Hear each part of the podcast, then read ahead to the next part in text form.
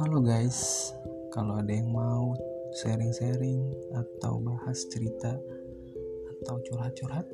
boleh kirim ceritanya ya guys di orang yang tidak mau disebut namanya at gmail.com yang tidak disingkat ya jadi orang YG tidak mau disebut namanya at gmail.com ditunggu ya guys.